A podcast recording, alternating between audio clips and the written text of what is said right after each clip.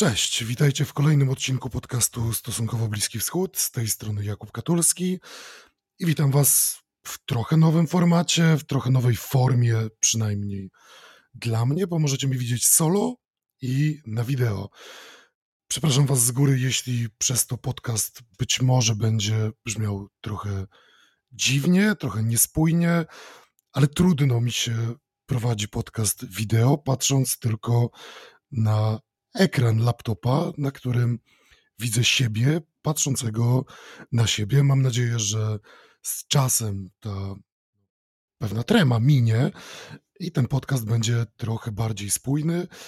I też ciekawszy dla Was, bo będziecie mogli widzieć mnie mówiącego do Was o tym, co dzieje się na Bliskim Wschodzie, a w przypadku tego odcinka mnie mówiącego do Was o tym, co dzieje się w Izraelu, strefie gazy i być może trochę na zachodnim brzegu. A dzisiaj porozmawiamy o pomocy humanitarnej, która płynie do gazy i o tym, czy to rozwiązuje problem, czy to jest też rzeczywiście dobra wola, czy to jest też no, znak tego, że coś się zmienia i że mieszkańcom gazy ulży. Porozmawiamy także o niedawnej eksplozji e, w szpitalu Al-Ahli w Gazie, e, eksplozji z 17 października o tym, kto jest winien i jak to powinno być rozwiązane, no i ostatecznie także o Międzynarodowym Trybunale Karnym i tym, czy śledztwo Międzynarodowego Trybunału Karnego rozwiąże kwestię, e, rozwiąże kwestię tego, jak Izrael patrzy na zachodni brzeg, jak Izrael patrzy na strefę gazy, no i czy w interesie Izraela jest, aby to śledztwo było przeprowadzone, no także dlaczego Izrael nie uznaje jurysdykcji śledczych z Hagi. I być może także poruszymy parę innych kwestii pobocznych przy okazji. No ale zacznijmy może od tej pomocy humanitarnej. Ta pomoc humanitarna jest czynnikiem, na który zwraca uwagę w tym momencie wiele mediów, e, przyglądając się temu, że w sobotę 21 października a później w niedzielę 22 października do strefy gazy przez przejście graniczne w Rafah, przejście graniczne między Egiptem a strefą gazy, wjechało łącznie 37 ciężarówek z pomocą humanitarną. Nie byłoby w tym nic dziwnego, no bo pomoc humanitarna do gazy wjeżdża regularnie. Ale z drugiej strony proizraelscy aktywiści, tacy jak no, Basem Id, mm, Palestyńczyk, bardzo popularny w pro izraelskich, amerykańskich prawicowych mediach, a także bardzo wspierany przez proizraelskie organizacje pozarządowe, takie jak Stand With Us. Stand With Us zresztą nieraz sponsorowała wykłady Basema Ida w Ameryce Północnej. No Basem Id zapowiada, że to jest dowód na to, że Izrael nie toczy wojny z Palestyńczykami, a jedynie z Hamasem. Tymczasem jednak no mamy dwa dni, podczas których do gazy wiało 37 ciężarówek. Te 37 ciężarówek zawiera przede wszystkim mm, środki pomocy medycznej, e, posiłki gotowe do spożycia, takie meal ready to eat. Być może spotkaliście się z tym w kontekście racji wojskowych, które są do kupienia e, w polskich sklepach z militariami. Można sobie zabrać na kemping, uruchomić e, włączyć w ciągu trzech minut dosłownie. Mamy gotowy do spożycia ciepły posiłek, e, a także środki higieny kobiecej. Te substancje, te wszystkie towary wjechały do gazy w 37 ciężarówkach, natomiast zazwyczaj w okresie, w którym nie ma wojny, do gazy przeciętnie według ONZ-u wjeżdża 500 ciężarówek dziennie. W Gazie mieszka 2,3 miliona mieszkańców. W tym momencie też około miliona, według niektórych szacunków miliona 400 tysięcy, zostało wysiedlonych ze swoich domów w północnej Gazie i zepchniętych na, y, do południowej części tego obszaru. Tym samym mamy 2,3 miliona obywateli gazy, którzy już są uzależnieni od pomocy humanitarnej i tym samym dostarcza się im dużo mniej tej pomocy niż w mm, okresie, w którym nie dochodzi do eskalacji konfliktu między Izraelem a palestyńskimi bojownikami w gazie. Czy więc te 37 ciężarówek załatwi sprawę? No nie, jest to jedynie kropla w morzu potrzeb, tym bardziej, że te potrzeby dzisiaj są dużo większe. Pamiętajmy, że Gaza odcięta jest od dostaw żywności, odcięta jest od dostaw paliwa, odcięta jest od dostaw elektryczności. Sama Gaza nie jest w stanie produkować większości swojego zapotrzebowania na elektryczność. Produkuje jedynie około 10% tego zapotrzebowania. No i odcięta jest także od dostaw wody. No i tutaj mamy kolejny istotny element. Gaza ma problem ze ściekami, ma problem z tym, że ma po prostu skażoną wodę. Mm, warstwy wodonośne nie są w stanie zaspokajać potrzeb gazańczyków w zakresie spożycia wody pitnej. E, Amerykanie, amerykański rząd obawiają się, że to przyczyni się do pogłębienia mm, kryzysu humanitarnego, przyczyni się także do pogłębienia się epidemii, do pojawienia się być może epidemii w gazie, na przykład, na przykład epidemii dysenterii, y, które mogą no, mogą pogłębić się, kiedy y, dostęp do wody, do, dostęp, dostęp do wody pitnej zostanie utrudniony, kiedy tylko mm, ścieki zaczną przedostawać się na przykład do warstwy wodonośnej. Ta pomoc humanitarna nie byłaby niczym nadzwyczajnym, gdyby nie to, że jest ona sama w sobie też elementem y, walki informacyjnej między Izraelem a Hamasem. No, oczywiście między Izraelem a Hamasem i Palestyńczykami. No, oczywiście Palestyńczycy zapowiadają, że Izrael odcina dostęp, e, odcina Gazę od dostępu do pomocy humanitarnej, natomiast Izrael zapowiada na przykład, że to Hamas w istocie utrudnia dostęp pomocy humanitarnej do gazy. Tak przynajmniej było 18 października na briefingu prasowym zorganizowanym przez e, ambasadę Izraela w Warszawie, kiedy przedstawiona gościom zaproszonym prezentacja zawierała zdjęcie, które pokazywało, że mm, Hamas odcina dostęp konwoju humanitarnego do gazy. I nie byłoby w tym nic dziwnego, gdyby nie to, że cztery dni wcześniej to samo zdjęcie przedstawione było na portalu X, czy też portalu Twitter dawniej, e, przez siły obrony Izraela, jako, jako dowód na to, że Hamas odcina nie dostęp pomocy humanitarnej do gazy, ale uniemożliwia przejście e, uchodźców z północnej części gazy do południowej części gazy. Więc mamy to samo zdjęcie wykorzystywane przez dwa różne ciała rządowe Izraela z zupełnie innym podpisem i przedstawiające dowód na coś zupełnie innego. Być może jest to celowe działanie mające na celu wprowadzić zamęt informacyjny.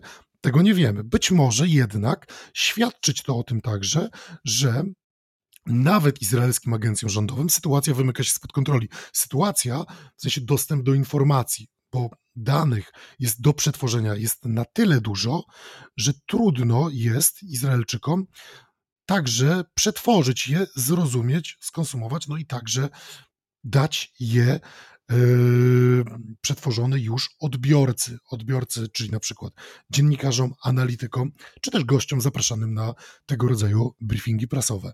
Mm, jest to trudny aspekt, no ale to nie jest jedyny przecież przykład tego, jak pojawia się, jak, jak y, obie strony tego konfliktu grają dezinformacją. Jednocześnie słyszeliśmy o tym, że mm, bojownicy Hamasu mordują izraelskie dzieci, zamordowali izraelskie dzieci w kibucach. Była sytuacja, w której dziennikarka powiedziała, że około 40 ciał, później izraelski rząd, y, około 40 ciał dzieci znalezionych zostało w kibucach, później izraelski rząd podał, że no jednak nie jest w stanie potwierdzić tej informacji, oczywiście także nie zaprzeczając do końca jej. Mm, no i pojawiły się nagrania w mediach społecznościowych, na których widzieliśmy bojowników Hamasu chodzących po no, jak mniema się, tym kibucu noszących na rękach te izraelskie dzieci i mm, przedstawiany jako dowód na to, że y, Hamas tak naprawdę troszczy się o izraelskie dzieci, nie morduje ich, jak było podawane. No natomiast no nie mamy szerszego kontekstu tego filmu, który trwa ledwie kilka sekund.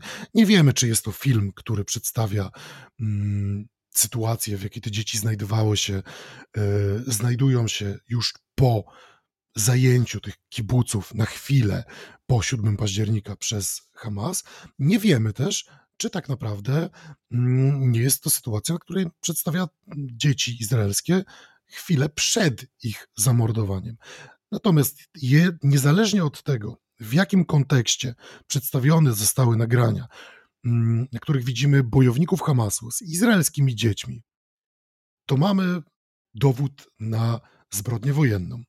Jest to dowód na zbrodnię wojenną, dlatego że jeśli te dzieci miałyby być wykorzystane jako żywe tarcze, na przykład po to, żeby izraelskie wojsko nie zbombardowało kibucu, w którym właśnie razem z izraelskimi dziećmi znajdują się bojownicy Hamasu, no to wykorzystanie tych dzieci jako żywych tarcz jest zbrodnią wojenną w myśl prawa międzynarodowego.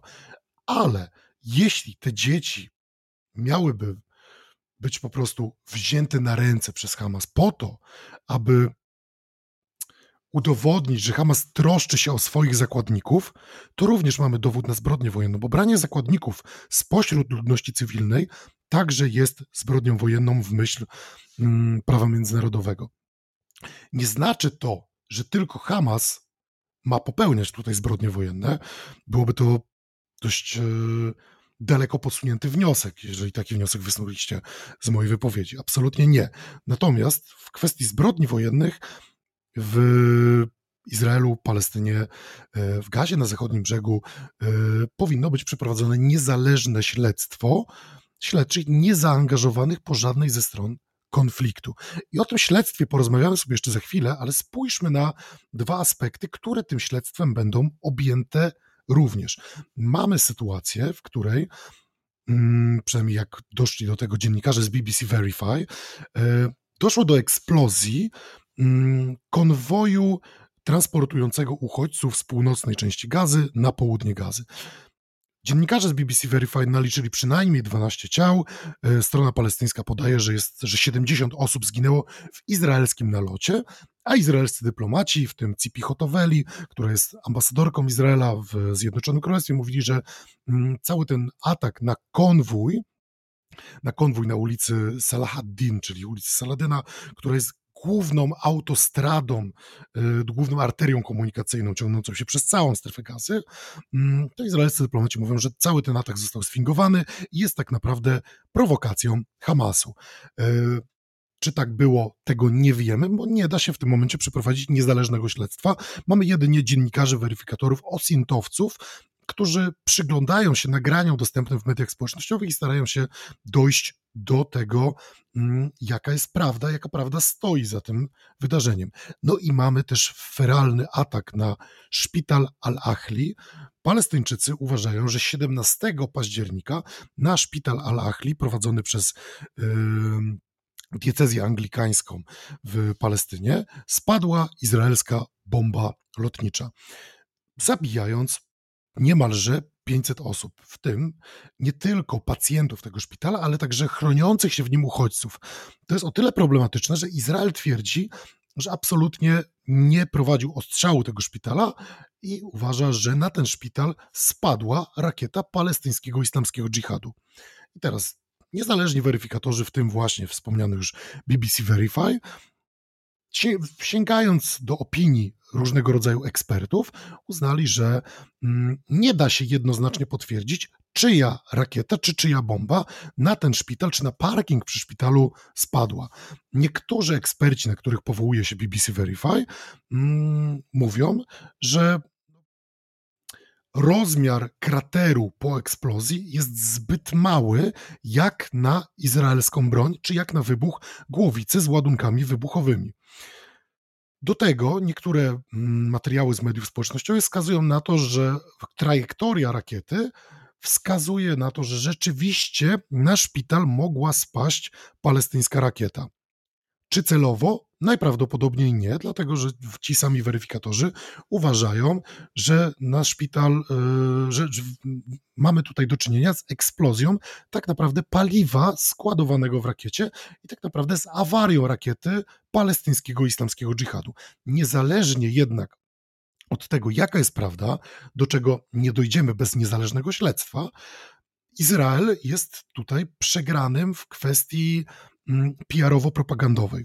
Izraelczycy nie są w stanie tylko zbijając dowody i pod, podstawiając izraelskie czy też amerykańskie dowody y, pochodzące z źródeł wywiadowczych, udowodnić opinii publicznej na Zachodzie, że tak naprawdę to nie oni zrzucili rakietę na ten szpital. I widzimy to po tym, jak bardzo popularne są mm, demonstracje poparcia dla Palestyńczyków. Jeżeli przyjrzymy się temu, co dzieje się temu, co dzieje się w Polsce, czy też w dużych miastach y, na zachodzie, w Berlinie, to mimo, że mamy też dość y, intensywne wiece poparcia Izraela, poparcie dla Izraela, to mamy też o wiele większe wiece poparcia dla Palestyńczyków. Dlatego, że jeśli mielibyśmy tutaj posilić się socjologią, mm, opinia publiczna lubi wspierać osobę, którą, no, jak to się nazywa czasami w anglojęzycznych mediach, underdog, tak? czyli ta osoba, która jest widziana jako strona słabsza, strona, która jest pod butem y, mocarstwa, które może ze stroną zrobić co chce. I siłą rzeczy lubimy wspierać taką postać, tak, postać, którą w ten sposób odbieramy. No i Izrael widziany jest jako po pierwsze mocarstwo, za którym stoją inne mocarstwa, tak? Ma wsparcie militarne, wojskowe, finansowe, mm, polityczne ze strony Stanów Zjednoczonych, też nieodparte wsparcie, też, też tak naprawdę wsparcie, y, do którego wprost się przyznają przywódcy państw Zachodu polityczne, którzy latają do Izraela, tak jak Olaf Scholz na przykład, czy Rishi Sunak, brytyjski premier, którzy mówią, że popierają państwo Izrael i ich kraje, ich rządy będą za państwo Izrael stać. Tym samym y, jednocześnie nie słyszymy takiego mm, jednoznacznego wsparcia dla sprawy palestyńskiej ze strony zachodnich rządów. Co yy, nie trudno się spodziewać, no pewnie mm, nieprzychylne swoim rządom siły, czy też po prostu młodsi aktywiści chętniej wspierają w związku z tym tych Palestyńczyków, którzy widziani są jako pozostawieni sami sobie, jako ten Goliat, jako przepraszam, jako ten Dawid, który broni się przed izraelskim Goliatem. E, niezależnie od tego, jaka jest ta prawda, to taka najprawdopodobniej jest percepcja. E, być może w sukurs Izraelowi mogłoby przyjść międzynarodowe, niezależne śledztwo, na przykład Międzynarodowego Trybunału Karnego, a takie śledztwo już się toczy śledztwo w sprawie zbrodni wojennych popełnionych w Gazie i na zachodnim brzegu. Ono jest o tyle problematyczne, że uruchomione zostało na wniosek Palestyńczyków i przez tak naprawdę sześć lat sędziowie Międzynarodowego Trybunału Karnego zastanawiali się, czy mają w istocie, czy mogą, czy haska jurysdykcja, czy jurysdykcja Międzynarodowego Trybunału Karnego obejmuje Gazę i zachodni brzeg. A to dlatego, że o ile Palestyńczycy przystąpili w 2015 roku do statutu rzymskiego, stając się tym samym jakby stroną Międzynarodowego Trybunału Karnego, to Izraelczycy, choć co do zasady państwo Izrael poparło powstanie Międzynarodowego Trybunału Karnego, to nie przystąpiło do statutu rzymskiego, nie jest więc stroną i uważa, że Międzynarodowy Trybunał Karny w Hadze nie ma, nie może obejmować swoją jurysdykcją terytoriów Izraela. No i tym samym według izraelskiej argumentacji nie może też obejmować swoją jurysdykcją gazy i zachodniego brzegu Jordanu. Dlaczego? Dlatego, że Izraelczycy wedle swojej argumentacji nie okupują ani zachodniego brzegu, ani yy, strefy gazy. Yy, I co więcej, Gaza, jeśli nie jest okupowana, jest terytorium spornym, ale w myśl tego rozumowania jest ona częścią Izraela. Jeśli jest częścią Izraela, a Izrael nie jest częścią statutu rzymskiego, no to śledczy z Hagi nie mogą części Izraela, yy, nie mogą na części Izraela prowadzić śledztw w sprawie zbrodni wojennych, które potencjalnie mogliby popełniać izraelscy żołnierze. Natomiast śledczy z Hagi absolutnie z tym rozumowaniem się nie zgadzają. Uważają, że skoro to są terytoria palestyńskie i teoretycznie mają się one stać w przyszłości częścią, czy mają podstawą dla niepodległego państwa palestyńskiego, to mm, jak najbardziej Międzynarodowy Trybunał Karny może objąć Gazę, Zachodni Brzeg, przestępstwa popełniane przez żydowskich osadników na zachodnim brzegu czy izraelskich żołnierzy, ale także zbrodnie popełniane potencjalnie przez palestyńskich bojowników może obejmować je mm, swoim śledztwem i już zakomunikowano, specjalna komisja śledcza e, Organizacji Narodów Zjednoczonych przekazała pewne, pewną dokumentację dotyczącą mm, tego konwoju na Salah ad-Din, czy e, bomby spadającej na szpital e, Al-Ahli, przekazała właśnie Międzynarodowemu Trybunałowi Karnemu i na pewno stanie się to częścią śledztwa w sprawie tych zbrodni wojennych. Izraelczycy jednak najprawdopodobniej nie będą współpracować z MTK niezależnie od tego, właśnie dlatego, że co do zasady nie uznają jurysdykcji. Czy ktoś może wymusić na Izraelu współpracę z MTK? No po pierwsze, Izrael musiałby być może uznać, że jest jakiś interes w tym, żeby do tego MTK wystąpić.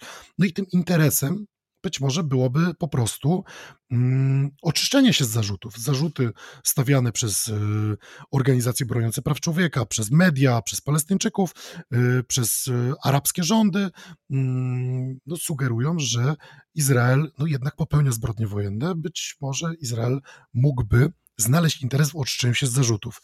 E, niechętnie jednak e, izraelscy dyplomaci odpowiadają na pytania o to, czy być może będą współpracować z, mm, czy być może będą współpracować z Międzynarodowym Trybunałem Karnym? Najprawdopodobniej nie.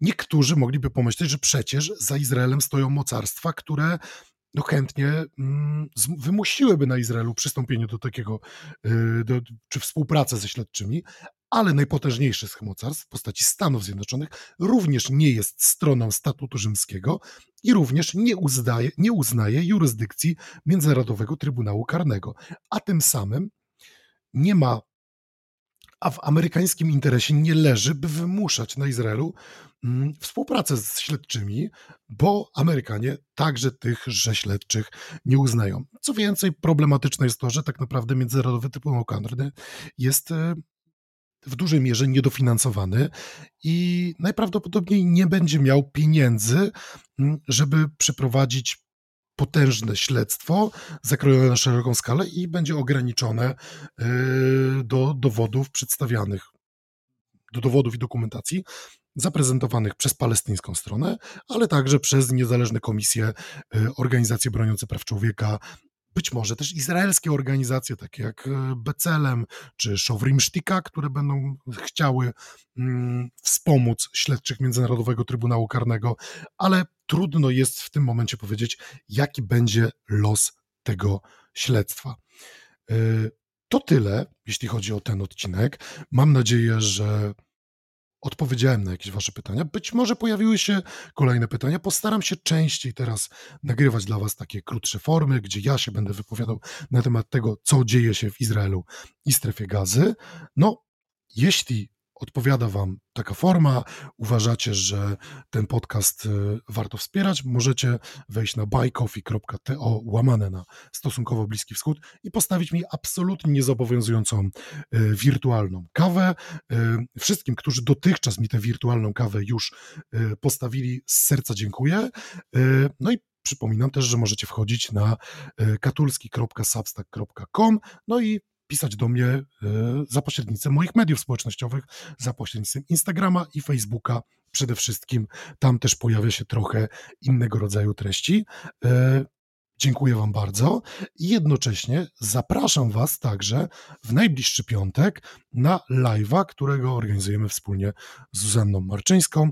E, zobaczycie go na moim właśnie Instagramie, gdzie będę odpowiadał na pytania dotyczące genezy konfliktu izraelsko-palestyńskiego, y, wysiłków na rzecz rozwiązania dwupaństwowego, y, no i także na Wasze pytania na bieżąco.